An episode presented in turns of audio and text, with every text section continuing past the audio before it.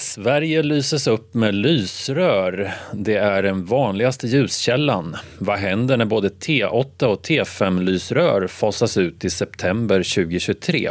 Vilka fallgropar finns i skiftet till LED-lysrör och kommer det finnas tillräckligt med ljuskällor på marknaden?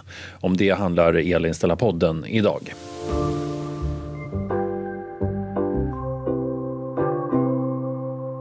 Du lyssnar på Elinstallarpodden, ett program från tidningen Elinstallatören. Jag heter Henrik Sannesson. För alla som installerar belysning i lokaler kom det nog som en överraskning att T5-lysrören kommer börja fasas ut hösten 2023. Det var välkänt att halogenlampor med vissa socklar och T8-lysrör var på väg ut. Men i vår kom alltså beslut om att populära T5-lysrör inte heller ska leva kvar. Det är ju inget säljsk stopp ska man vara noga med att säga här. De lysrör som redan är producerade får säljas slut. Men inga nya får sättas på marknaden. Men vad betyder det här? Det ska vi ta reda på tillsammans med elinstallatörens reporter Marie Granmar. Välkommen till Elinstallarpodden. Tack så mycket. Varför ska man bry sig om det här, Marie? Ja, de här lysrören är ju väldigt vanliga. Eh, jag har varit i kontakt med en eh, elspecialist på Sisab som förvaltar många av Stockholms skolfastigheter. Och de har hundratusentals T5-ljuskällor i sitt bestånd. Och det är ju bara ett bolag. För T5-lysrören och även de här T8-lysrören som vi redan visste skulle förbjudas finns på många ställen i parkeringsgarage, gym, industrier och väldigt många olika typer av lokaler över hela landet. Men, men det finns ju LED-lysrör som är flimmerfria, energieffektiva och som dessutom har längre livslängd. Vad, va, vad är problemet här egentligen? Ja, det finns fortfarande några problem med LED-lysrör. Vissa installatörer har vittnat om att LED-armaturer behöver bytas oftare än vanliga lysrörsarmaturer. Och LED-lysrörens ljus strålar ofta mer i en riktning medan äldre lysrör är rundstrålande många gånger. Och det kan göra att eh, ljusutbytet blir mindre om man bara byter till LED-lysrör och behåller den gamla armaturen med samma reflektor. Då kan det bli mörkare när man skiftar till LED. Okej, men, men varför gör man det här just nu? Ja, båda de här stoppen beror på EU-direktiv. Men eh, direktiven kommer av några olika skäl. Dels finns det så kallade ekodesigndirektivet som handlar om att ta bort de sämsta produkterna på marknaden sett till energiprestanda. Ekodesigndirektivet är det som också ligger bakom att T8-lysrören fasas ut. Okej, men, men T5 är väl mer energi, energieffektiva än T8? Jag har hört att man sparar 25 procent i energianvändning. Ja, men T5 stoppas av ett annat EU-direktiv kallat ROS som inte handlar om energiprestanda utan om innehållet av kvicksilver. Och det är därför som även kompaktlysrör stoppas hösten 2023 för att de också innehåller kvicksilver. Du har bevakat utfasningen av ljuskällor åt eh, elinstallatören i flera år och det blir ofta reaktioner från elektriker när en eh, ljuskälla ska fasas ut. Vad är problemet med att T5 nu ska försvinna? Ja, elspecialisten på Sisab som jag pratade med och som förvaltar skolfastigheter i Stockholm menar att deras största problem är att de inte vet hur bra det kommer att fungera att sätta LED-lysrör i befintliga lys lysrörsarmaturer. Eftersom de har hundratusentals ljuskällor kan man ju förstå att det blir problem om LED-lysrören inte passar i armaturerna. Och tyvärr då, säger han, finns det en del frågetecken. Till exempel är det lätt att det blir fel och då kan antingen ljuskällor eller armaturer gå sönder i förtid.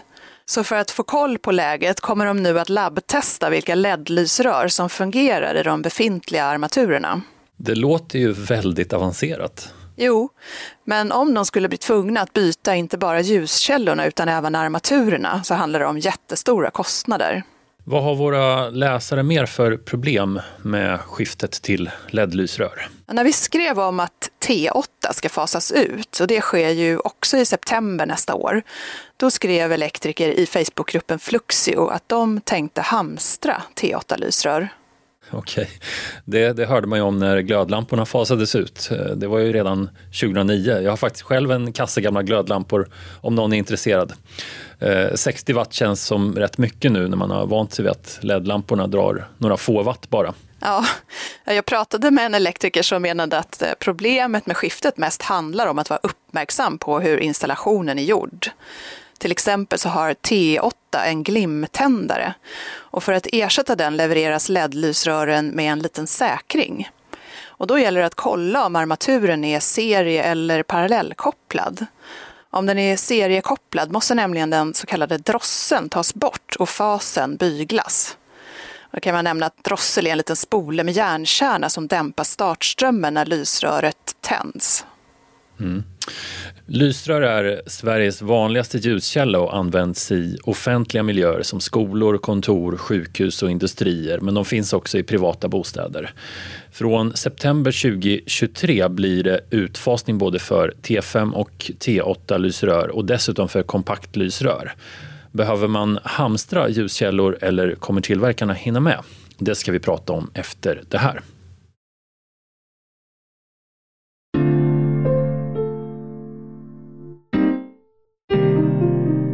Du lyssnar på Elinstallarpodden och vi pratar om utfasning av lysrör. Elinstallatörens reporter Marie Granmar som bevakat det här är med oss. Eh, tanken är att skiftet till LED-belysning ska spara in 300 miljarder kilowattimmar fram till år 2035 i EU ska sägas.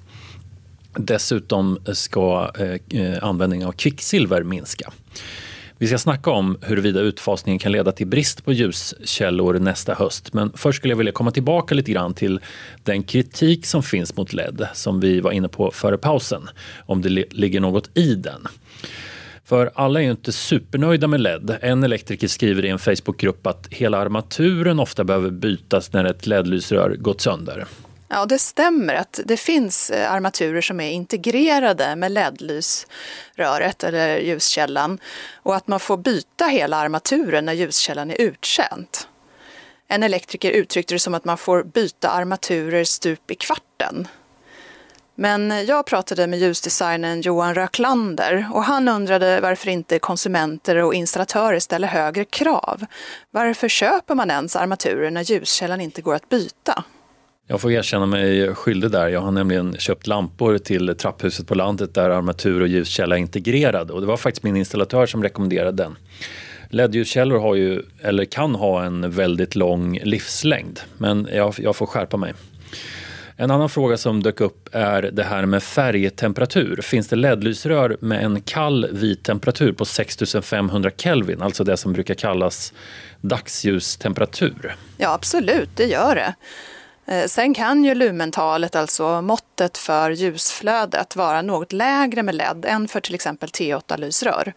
Och det kan göra att man behöver sätta upp fler armaturer om man vill ha riktigt starkt ljus. Vad finns det mer för fallgropar för installatörerna i skiftet till LED?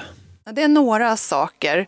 Om eh, nya LED-lysrör passar i en gammal armatur ska man se upp lite grann med det, för det är inte säkert att det fungerar så bra. Och en annan sak är att dimbara armaturer inte passar för alla LED-lysrör. T5-lysrören är ju en modern form av lysrör som har HF-don som ger ett flimmerfritt ljus som är mer bekvämt för ögat än gamla lysrör med glimtändare som kunde flimra en del. Hur är ljuskomforten med LED-lysrören? Ja, det blir ju bättre och bättre. Idag finns det LED-lysrör med magnetiska don som motsvarar T5 med HF-don. Du lever i en tid med lockdown i Kina, problem med logistikkedjor, halvledarbrist och krig i Ukraina. Kommer den här utfasningen av T8 och T5 nästa höst leda till brist på LED-lysrör? Ja, jag har pratat med Mats Viksten, affärsutvecklare på svenska företaget Aura Light om det.